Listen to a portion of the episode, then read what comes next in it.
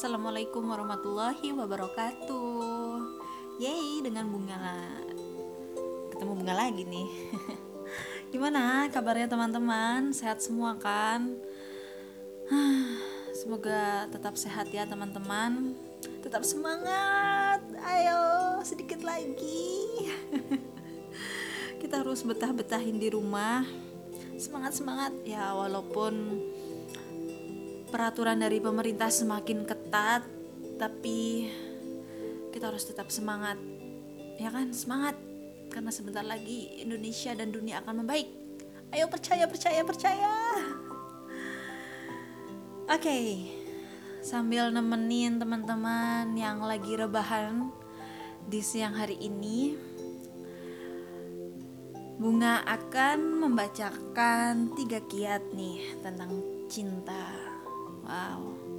Dari bukunya Richard dan Christine Carlson yang berjudul Don't Sweat the Small Stuff in Love. Jangan meributkan masalah kecil dengan pasangan Anda. So, jadi hari ini Bunga akan membacakan tiga kiat judulnya yaitu yang pertama, ingat persamaan ini. Orang yang bahagia sama dengan pasangan yang bahagia.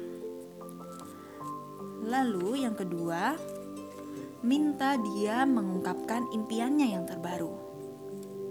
Dan yang terakhir, jangan meremehkan kekuatan cinta. Hmm, tiga judulnya ini kayaknya berbau-bau bahagia, romansa, cinta, romantis. Hmm, so daripada lama-lama, langsung aja yuk kita dengarkan sama-sama Kiat yang pertama, selamat mendengarkan.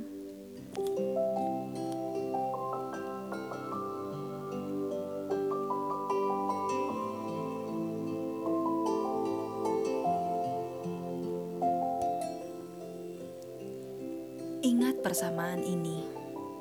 Orang yang bahagia sama dengan pasangan yang bahagia.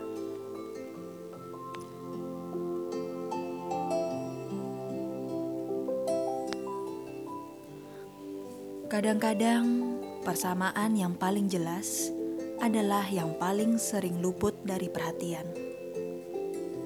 Anda tahu hal-hal seperti jika ingin bahagia, Anda harus menjaga diri sendiri. Jelas, tentu saja. Tetapi, berapa banyak di antara kita yang benar-benar menyadarinya? Atau kalau di waktu liburan Anda menghabiskan banyak uang dengan kartu kredit, Anda akan menyesal. Sekali lagi, itu sangat jelas. Tetapi kebanyakan dari kita tetap melakukannya. Kiat ini termasuk ke dalam kategori berikut. Apa pun alasannya, umumnya kita memilih kenikmatan pribadi atau reaksi egois lainnya daripada berusaha membuat pasangan kita bahagia. Perbuatan itu merusak sebuah persamaan yang jelas. Orang yang bahagia sama dengan pasangan yang bahagia, dan pasti akan menimbulkan stres yang tidak perlu dan pertengkaran di dalam hubungan Anda. Kami yakin memang bukan tanggung jawab Anda untuk membuat pasangan Anda bahagia. Bahkan, di dalam buku ini dituliskan satu kiat khusus yang menyatakan bahwa kita semua bertanggung jawab atas kebahagiaan kita sendiri. Tetapi ada hal-hal yang bisa kita lakukan, hal-hal kecil tanpa perlu berpikir keras, yang dapat memberi kontribusi bagi kebahagiaan pasangan kita. Jika pasangan Anda bahagia, dia akan membuat Anda senang bersamanya. Orang yang bahagia akan menjadi pendengar yang lebih baik dan pecinta yang lebih menggairahkan.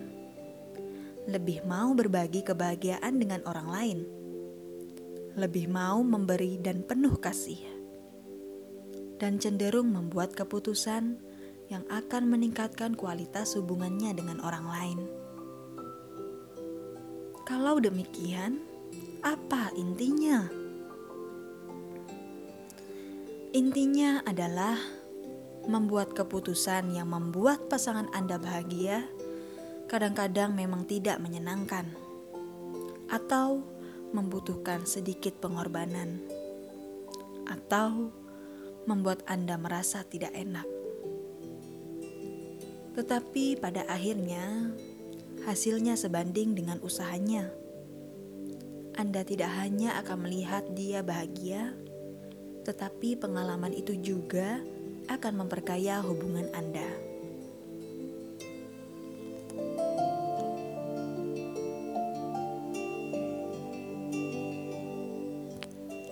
Misalnya, Chris pasti tidak suka menganjurkan agar saya menyisihkan waktu untuk diri saya sendiri.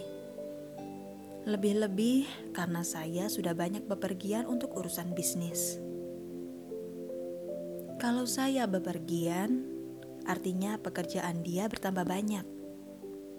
Jadi, mengapa dia menganjurkannya kepada saya?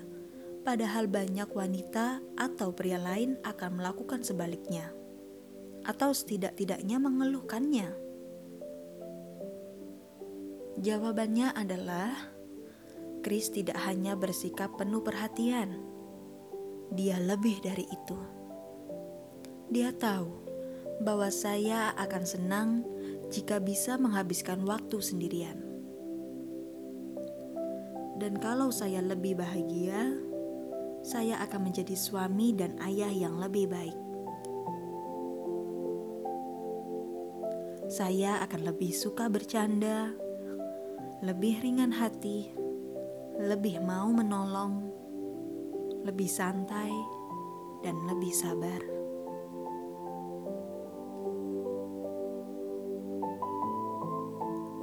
Sebagai balasannya, saya mencoba menghormati Chris dan menganjurkan hal yang sama kepadanya.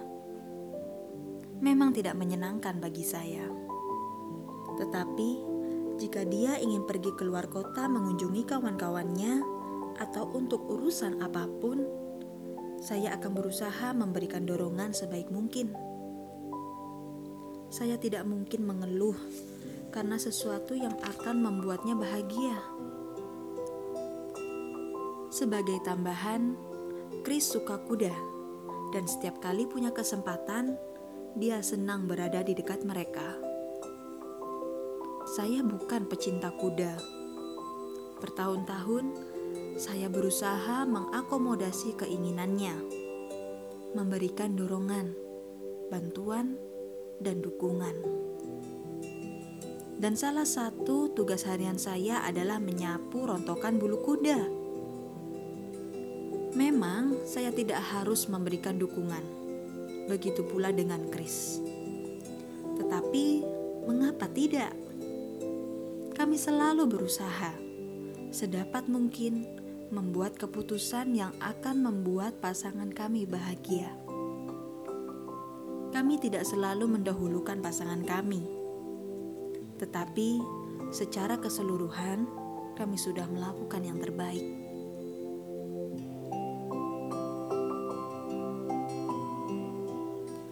Mungkin seorang istri punya minat dan hobi khusus yang menyita waktu dan energinya. Mungkin dia menjadi anggota klub atau organisasi yang tidak diikuti suaminya. Mungkin seorang suami suka nonton pertandingan olahraga bersama kawan-kawannya atau merokok cerutu. Mungkin seorang istri punya beberapa kawan istimewa dan dia ingin mengunjungi mereka atau mengobrol di telepon dengan mereka. Mungkin seorang istri suka berolahraga pagi-pagi, menuntut Anda untuk lebih terlibat dalam rutinitas pagi hari di lingkungan yang ramah. Perwujudannya bisa salah satu dari itu atau sesuatu yang lain. Apa pun wujudnya, semua itu membutuhkan penyesuaian, kompromi, atau pengorbanan di pihak Anda.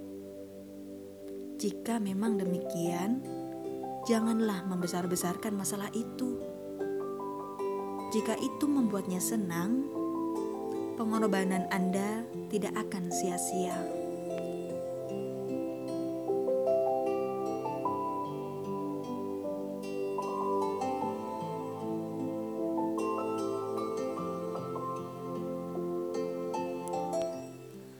Oke, itu dia teman-teman.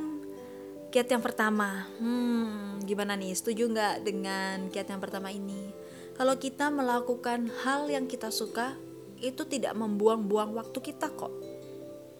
Kita melakukan hobi atau sesuatu yang kita suka, tenang aja. Itu bukan membuang-buang waktu. Dan jika kita melakukan sesuatu yang tujuannya membuat pasangan kita bahagia, itu bukanlah hal yang sia-sia. Karena kalau pasangan kita bahagia, energi kebahagiaannya pasti akan mengalir ke kita. Gimana? Setuju nggak?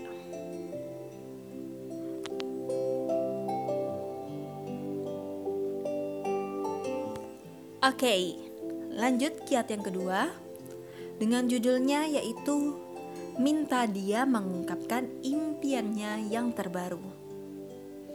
Hmm, menarik. So, langsung aja kita dengarkan bersama-sama. Ini dia kiat yang kedua. Selamat mendengarkan.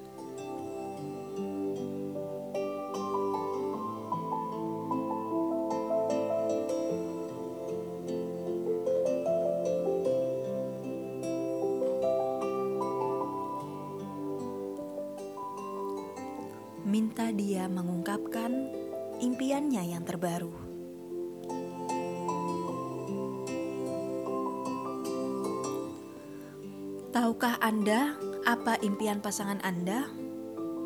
Apa yang benar-benar diimpikannya dalam hidup ini? Tahukah Anda fantasi-fantasi apa yang dia rahasiakan? Apa yang dia bayangkan tentang pekerjaannya? apa cita-cita hidupnya, apa yang akan membuatnya merasa menjadi manusia sempurna. Anda yakin, atau Anda kira Anda tahu? Pernahkah Anda bertanya, bila iya, kapankah yang terakhir kali? Menurut kami, banyak orang yang tidak tahu di balik yang tampak apa impian pribadi pasangannya. Tentu banyak orang yang bisa berkata begini. Dia ingin terjamin secara finansial. Atau dia ingin jadi ibu. Tetapi di luar semua preferensi yang universal itu, kesadaran atau perasaan peduli terhadap apa yang diimpikan pasangan kita tidak ada. Kecenderungan ini tampaknya meningkat sejalan dengan lamanya jalinan hubungan kita. Ketika pertama kali jatuh cinta, Anda begitu ingin tahu apa yang dia impikan. Seiring dengan berlalunya waktu, keinginan itu menjadi kabur semakin kabur, dan akhirnya lenyap sama sekali. Dalam sebuah hubungan, memang banyak aspek.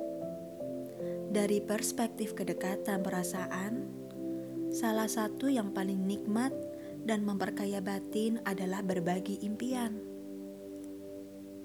Anda akan merasa senang dan batin Anda diberkaya jika Anda ceritakan visi Anda kepada seseorang, atau apa yang ingin Anda lakukan, ke mana Anda ingin pergi, dan apa sumbangan yang akan Anda berikan. Dan jika orang dengan siapa Anda berbagi ini ada bersama Anda, berbagi impian dengan Anda, mendengarkan dengan penuh minat dan rasa hormat, maka impian Anda akan tampak nyata, dan pengalaman berbagi itu sangat menakjubkan. Interaksi seperti ini pasti membantu menyatukan dua orang. Lebih dari itu, interaksi seperti ini juga bisa membantu menyatukan kembali dua orang yang mungkin tidak tahu lagi apa impian pasangannya.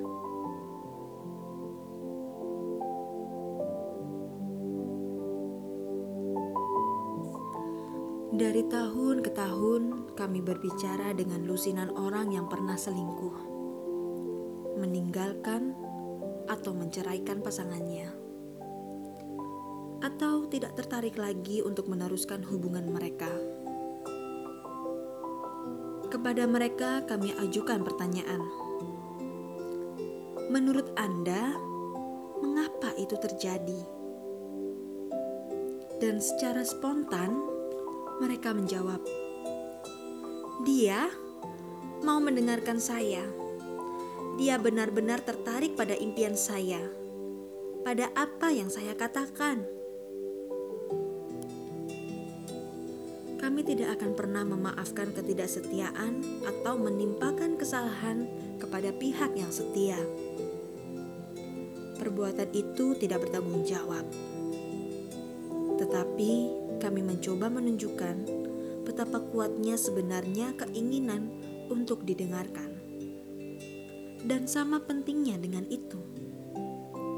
Jika keinginan itu tidak terpenuhi, akibatnya pasti sangat buruk. Jika seseorang merasa nyaman berbagi impian, ketika diminta mengungkapkannya, dia akan mengalami dan merasakan adanya rasa aman, kepuasan, dan kegairahan. Sebaliknya, jika seseorang tidak merasa nyaman berbagi impian karena tidak pernah diminta, dia akan merasa ada sesuatu yang hilang.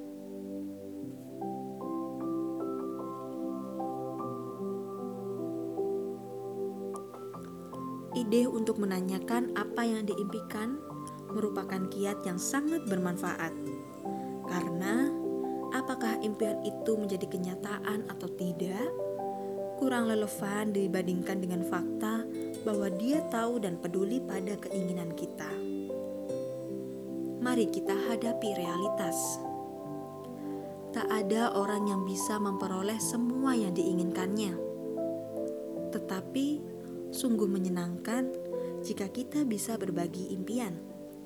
Dan jika kita tahu bahwa orang lain peduli pada impian kita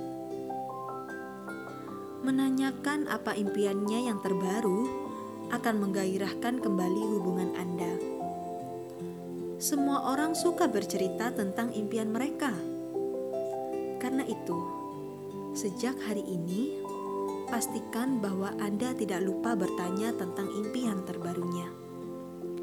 Dan dengan begitu, Anda memberikan sumbangan berarti untuk membuat impiannya menjadi kenyataan.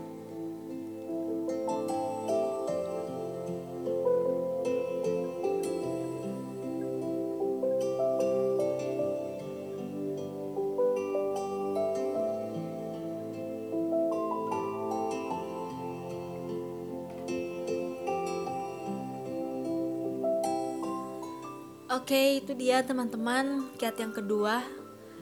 Kamu tahu nggak impian terbarunya apa? Sih. Uh, terakhir dia bilang sih dia mau ngelamar aku. Yakin tuh. Terus kamu tahu nggak dia upayanya apa? Jangan-jangan cuma dia lagi yang berusaha. Oke, okay, jadi hal kecil itu ternyata berarti ya. Kadang ada orang yang tidak percaya untuk menceritakan apa yang diinginkannya kepada orang lain meskipun orang lain itu dekat dengannya. Kadang ada orang yang tidak terlalu percaya diri dengan impian yang dipunyanya karena dia merasa dia tidak akan mampu untuk mewujudkannya. Jadi daripada malu, kalau dia sudah bercerita dan ternyata impiannya tidak terwujud, ya lebih baik dia diam aja. Tapi kalau kita bertanya, jadi impianmu apa sekarang? Kamu sudah melewati ini, sudah melewati ini, sudah melewati itu. So what's next? Hanya tanya itu aja kok, nggak bayar. Kalau orang yang kita tanya itu menjawab dengan baik, ya memang artinya dia ingin berbagi impian dengan kita. Tapi dia terlalu malu atau tidak percaya diri dengan dirinya. Lalu, jika orang yang kita tanya ini tidak menjawab dengan baik, maka mungkin kita bisa mendukungnya tetap mendukungnya. Apa pun yang dia katakan tetaplah dukung. Jika dia tidak menjawab, ya katakan saja. Apa pun impianmu, aku doakan yang terbaik untukmu dan kamu sukses selalu. Hmm, kata-kata sederhana yang manis sekali. So, apakah kamu tahu impian terbarunya?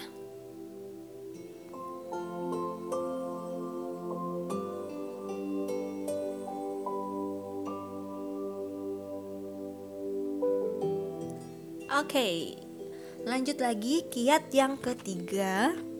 Judulnya Jangan meremehkan kekuatan cinta. Hmm, oke. Langsung aja. Karena penasaran, kita langsung dengarkan bersama-sama kiat yang ketiga. Selamat mendengarkan.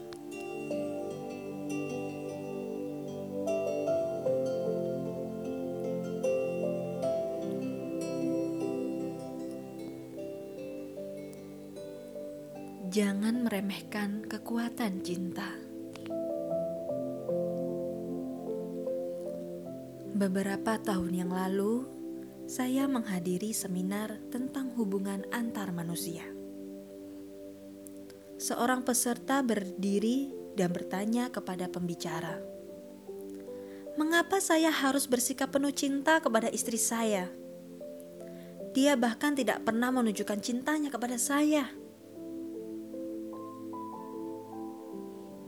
Pembicara itu menanggapi dengan sikap lembut dan tidak mencela. Karena Anda membutuhkan latihan itu. Hmm, kata-katanya sangat mengena bagi saya dan selalu terpatri dalam ingatan saya. Ketika itu nasihatnya tepat mengenai sasaran dan sekarang pun masih berlaku. Saya bahkan tidak bisa membayangkan orang yang tidak membutuhkan latihan dalam seni mengungkapkan cinta. Bagaimana dengan Anda? Apakah Anda kenal orang yang benar-benar menguasai seni mengungkapkan cinta? Jika iya, saya akan senang berkenalan dengan mereka. Dengan perkecualian yang sangat langka, kita semua membutuhkan latihan agar mampu mencintai tanpa syarat. Kita semua bisa mengurangi sikap defensif, reaktif, dan mementingkan diri sendiri. Sebagian besar dari kita akan sukses jika bisa mendengarkan dengan lebih baik dan bersikap lebih lembut hati, ramah, serta murah hati. Tetapi untuk menguasai kualitas-kualitas itu dibutuhkan latihan. Jika pasangan kita pandai mengungkapkan cinta dan bersedia memberikan dukungan, itu tidaklah sulit. Tetapi, jika dia melenceng dan sikapnya tidak membuktikan bahwa dia mencintai Anda, maka hal itu akan menjadi sulit. Dengan kata lain, bersikap baik hati dan penuh cinta sama sekali tidak sulit jika pasangan Anda sudah memulainya. Ceritanya lain jika Anda yang harus memulai, dan itu ketika pasangan Anda sedang menyebalkan. Anda bisa mengubah hubungan Anda untuk selamanya dengan memanfaatkan kekuatan cinta. Jika Anda bisa merespon dengan cinta, bukan bereaksi frustasi.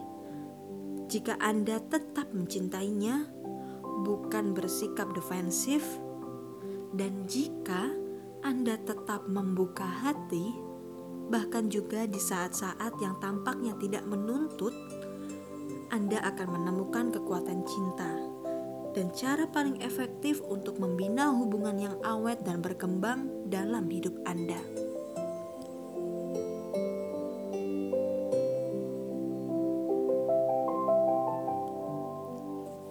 Menggunakan kekuatan cinta dengan sebaik-baiknya lebih mudah dikatakan daripada dilaksanakan. Tetapi sebenarnya tidak sesulit yang mungkin Anda bayangkan.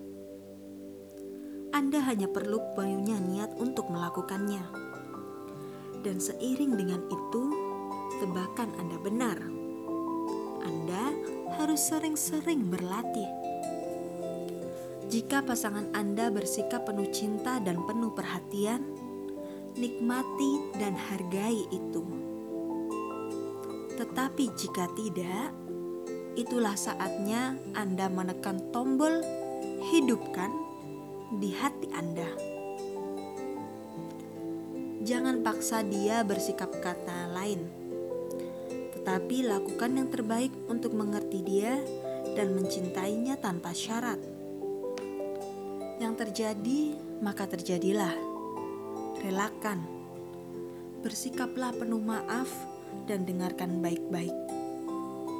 Jaga rasa humor Anda dan dukunglah dia.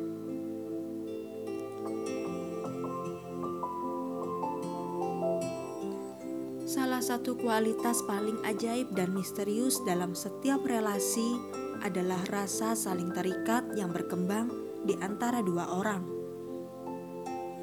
Jika hati Anda penuh amarah, kemungkinan besar hubungan Anda akan terganggu. Jika Anda bersikap serba menuntut dan agresif, pasangan Anda akan cenderung menutup diri jika kepala Anda penuh pikiran tentang kesalahan-kesalahannya dan pikiran-pikiran negatif lainnya, dia pasti akan merasakan suasana hati Anda yang negatif dan bersikap menjauh serta waspada. Hubungan Anda akan semakin buruk.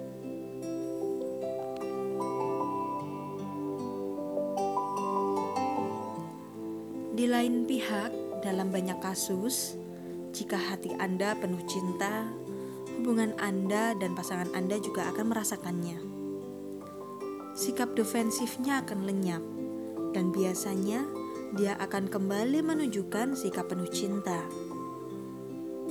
Jika dia mengatakan atau melakukan sesuatu yang salah, dan Anda bisa memaafkannya serta tetap mencintainya, dia akan lebih cepat memperbaiki diri daripada jika Anda bereaksi dengan rencana balas dendam yang kasar. Jika Anda dapat mempertahankan suasana hati yang penuh cinta, relatif tidak terganggu oleh kebiasaan yang kurang sempurna, banyak masalah yang akan selesai sendiri dengan cepat. Saya tidak menganjurkan agar Anda menghindari masalah atau mentolerir perilaku yang merusak. Tetapi, saya anjurkan Anda belajar untuk tidak meributkan masalah sepele agar hati Anda tetap terbuka.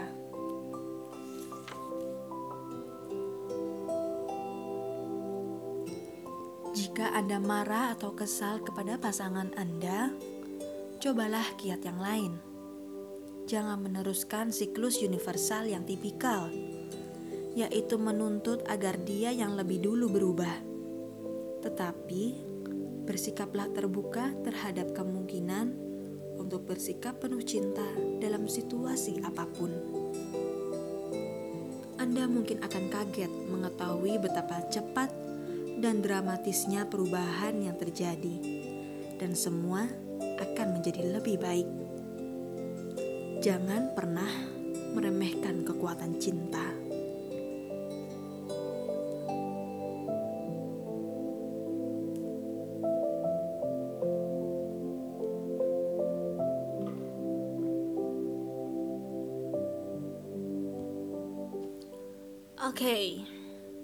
Kiat yang terakhir tuh tadi teman-teman. Hmm, memang ya, cinta itu emang gak bisa dilihat, tapi bisa dirasakan dan kekuatannya memang gak bisa diremehkan. Gimana, teman-teman setuju nggak? Bagi teman-teman yang mungkin belum punya pasangan,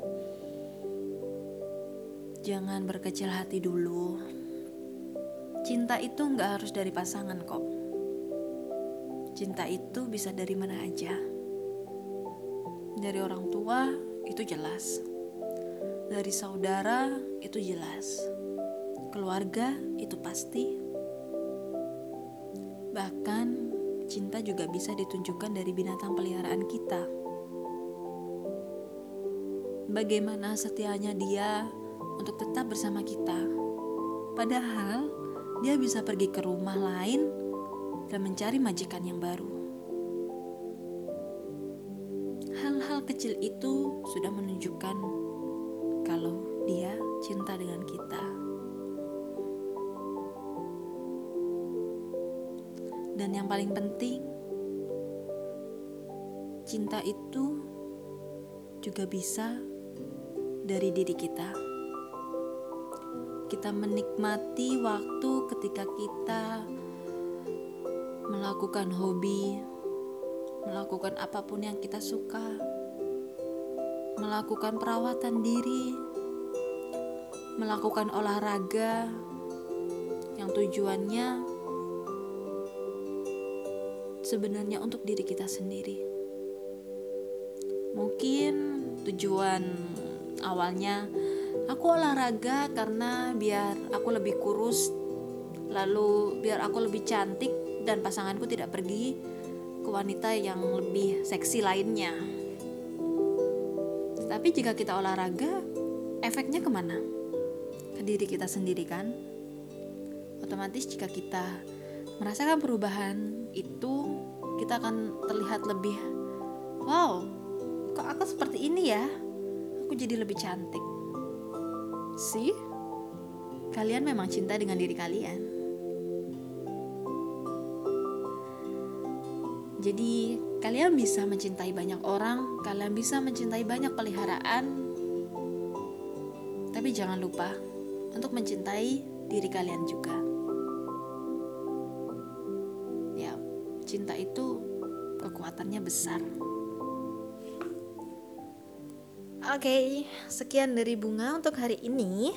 Terima kasih buat teman-teman yang masih setia mendengarkan Bunga sampai ke episode ini, episode 16. Dan untuk persiapan special episode di episode 20 Mungkin teman-teman setelah mendengarkan ini bisa DM aku atau WhatsApp aku kalau yang punya WhatsApp aku itu mau request hmm, bahas apa ya? Kira-kira gimana kalau kita membahas sesuatu yang ini nih? Nanti bunga akan mencoba mencari materinya dan mencari narasumber yang kira-kira relevan dengan materinya. Oke jadi uh, silakan buat teman-teman yang mau request membahas apa ya? Kayaknya asik nih kalau kita bahas ini nih. Tapi masih berhubungan dengan cinta ya teman-teman. Karena masih dalam konteks di buku Don't Sweat the Small Stuff in Love ini. Jadi kalau teman-teman mau bahas gimana ya? Uh, aku nih sudah punya anak tapi aku masih mau pacaran dengan suamiku. Itu bisa DM ke bunga atau cari materi-materi yang lain nanti bunga akan cari juga narasumbernya yang relevan. Jadi kita bisa ngobrol-ngobrol bareng. Oke sekian dari bunga. Oh mau promosi sebentar nih teman-teman. Jadi bunga itu selain di podcast live ini bunga juga melakukan podcast yang lain yang nama programnya Bycast. B Y C A S T di situ bunga collab dengan partner in crime namanya ya Yuzaki itu Jadi kita di situ membahas sesuatu yang dekat dengan kehidupan kita tapi sebenarnya ya jarang juga untuk dibahas gitu. So buat teman-teman yang kepo nih, aduh emang bahas apa sih? Tentang apa sih? Ya langsung aja search di Spotify Bycast B Y C A S T. Itu memang masih baru sih teman-teman. Tapi semoga teman-teman setia mendengarkan podcastku dan podcast Bycast itu. Jadi kita bisa berkembang berkembang berkembang berkembang terus. Amin. Oke sekian dari bunga nih. Dari tadi bunga sekian sekian terus. Mohon maaf dan terima kasih buat teman-teman yang masih setia mendengarkan. I love you all mama. See you on next week. Bye bye wassalamualaikum warahmatullahi wabarakatuh